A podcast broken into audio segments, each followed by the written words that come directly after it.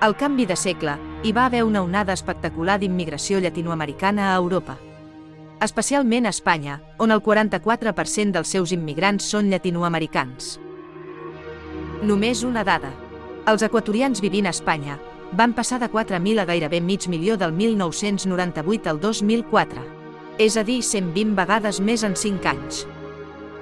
Els colombians també van tenir una escalada així, encara que no tan pronunciada. El seu augment va ser de 20 vegades més en el mateix període. Atenció! Si mires les gràfiques que he posat a la descripció de l'episodi, amb els residents a Espanya nascuts a Colòmbia i a l'Equador, veuràs que el 2020 se surt gairebé de l'escala. Això és perquè qui va elaborar la gràfica va incloure per aquell any no només els residents amb nacionalitat colombiana, sinó també els residents nascuts a Colòmbia ja nacionalitzats com a espanyols. Aquests són aproximadament el 60%.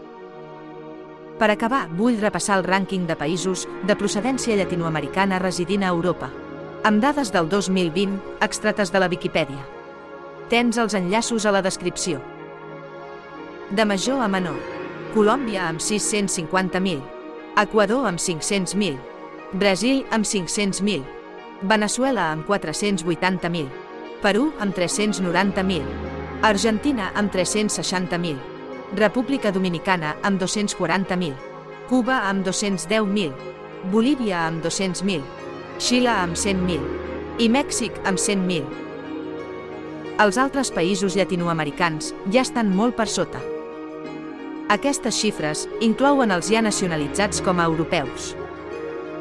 Potser la dada que més crida l'atenció és que Mèxic és el país de la llista amb menys residents a Europa i alhora és el país hispanoparlant més poblat, amb 130 milions d'habitants. L'Equador és a l'extrem contrari, ja que té una població de només 18 milions i té mig milió de paisans a Europa. Això de Mèxic s'entén molt fàcilment. La majoria de mexicans emigren abans al país veí del nord, que queda molt més a prop, almenys geogràficament. Datòfils Busquem, analitzem i compartim dades. Escolta'ns a YouTube, Telegram o a la teva app de podcast.